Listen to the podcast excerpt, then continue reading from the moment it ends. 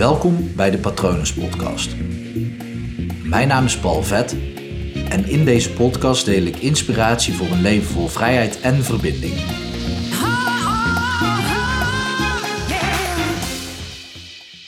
In je leven krijg je te maken met uitdagingen, met obstakels.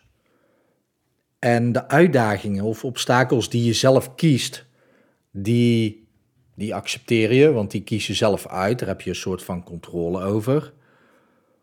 En die laten je groeien. En dat is precies wat een obstakel voor je doet. Een obstakel zorgt ervoor dat er groei in je leven ontstaat, dat jij een volgend niveau kunt bereiken.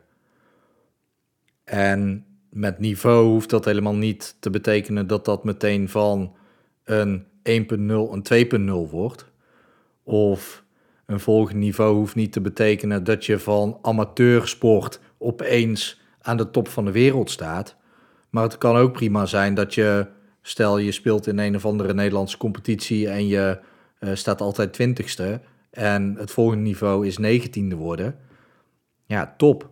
Het gaat erom dat je gewoon naar een, een volgend niveau gaat door die uitdagingen aan te gaan, door dat obstakel aan te pakken. En wat ik zeg, op het moment dat je dat doet met uitdagingen die je zelf kiest, is dat heel logisch. Maar dit werkt precies zo voor alle obstakels die het leven naar jou toe gooit. Want het leven zal altijd gewoon obstakels op jouw pad blijven gooien. En dan is het maar net hoe jij ermee omgaat. Kijk, het is gewoon een kans om te groeien.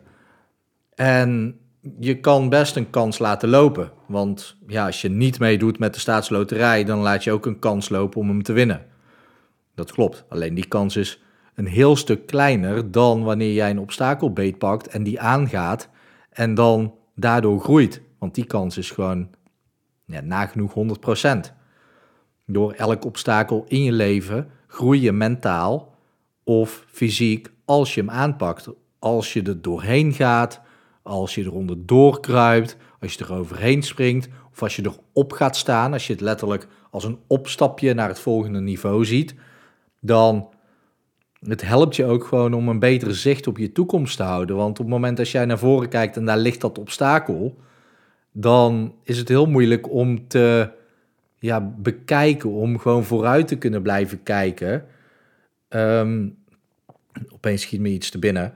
Uh, maar om uh, vooruit te blijven kijken richting jouw toekomst. Bij mij werkt dat ook zo. Ik had afgelopen weekend een examen en dat moest gebeuren. Dat was gewoon een belangrijk iets en dat stond op de planning. Dus dat dat stond op mijn pad. En ik had vandaag een afspraak met iemand die ook super leuk is en spannend is. En ik vond het heel moeilijk om voor het examen aan vandaag te denken. Want eerst is dat obstakel van dat examen daar. En nadat ik dat heb overwonnen, dat obstakel, opeens kwam er ruimte voor de spannende afspraak van vandaag.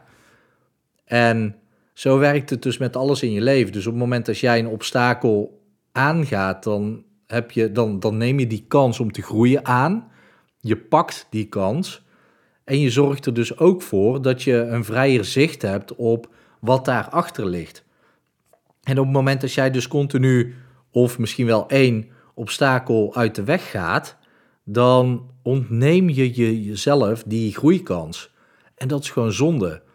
Want waarom zou je die kans niet grijpen? Ja, ik snap dat het een uitdaging is en ik snap dat het gewoon, ja, dat je het misschien wel moeilijk vindt om dat aan te gaan. Het belangrijke daarbij is om je te beseffen dat je het niet alleen hoeft te doen. Je kan altijd om hulp vragen.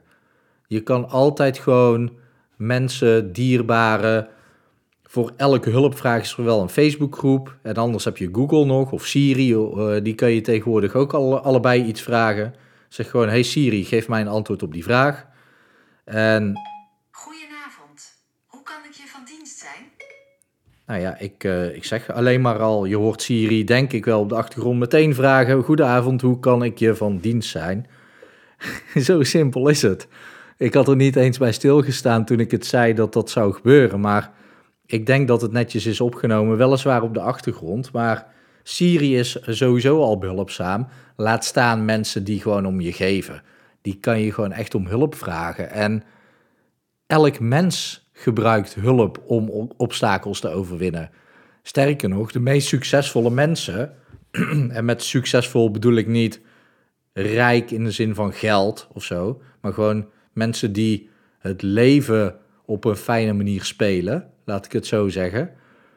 Die dus gewoon een tof leven leiden, omdat ze een tof mens zijn eh, of zijn geworden. Die zijn dus uitdagingen aangegaan en die hebben echt wel hulp gevraagd daarbij.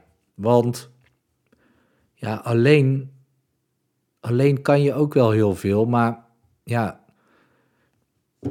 eigenlijk is dat helemaal niet zo, hè? Want vanaf het moment dat je geboren bent, heb je gewoon hulp nodig gehad. Je hebt gewoon al hulp, hulp gehad van mensen. Dus ja, zijn gewoon mensen ook al verder dan jij in bepaalde gebieden. Misschien ben jij op één bepaald gebied wel de, het verste van iedereen. Dan kunnen anderen hulp aan jou vragen. Maar vraag gewoon hulp aan mensen om gewoon die uitdagingen aan te gaan. En ik snap dat uitdagingen lastig zijn, maar als je ze niet of niet op een andere manier ziet, gewoon als, als niets anders dan een, ja, een heuvel of een berg die je even op moet klimmen om aan de andere kant uit te komen, om gewoon weer te groeien. Zie het als een stukje groeipijn. En dat helpt je echt om gewoon verder te komen in je leven.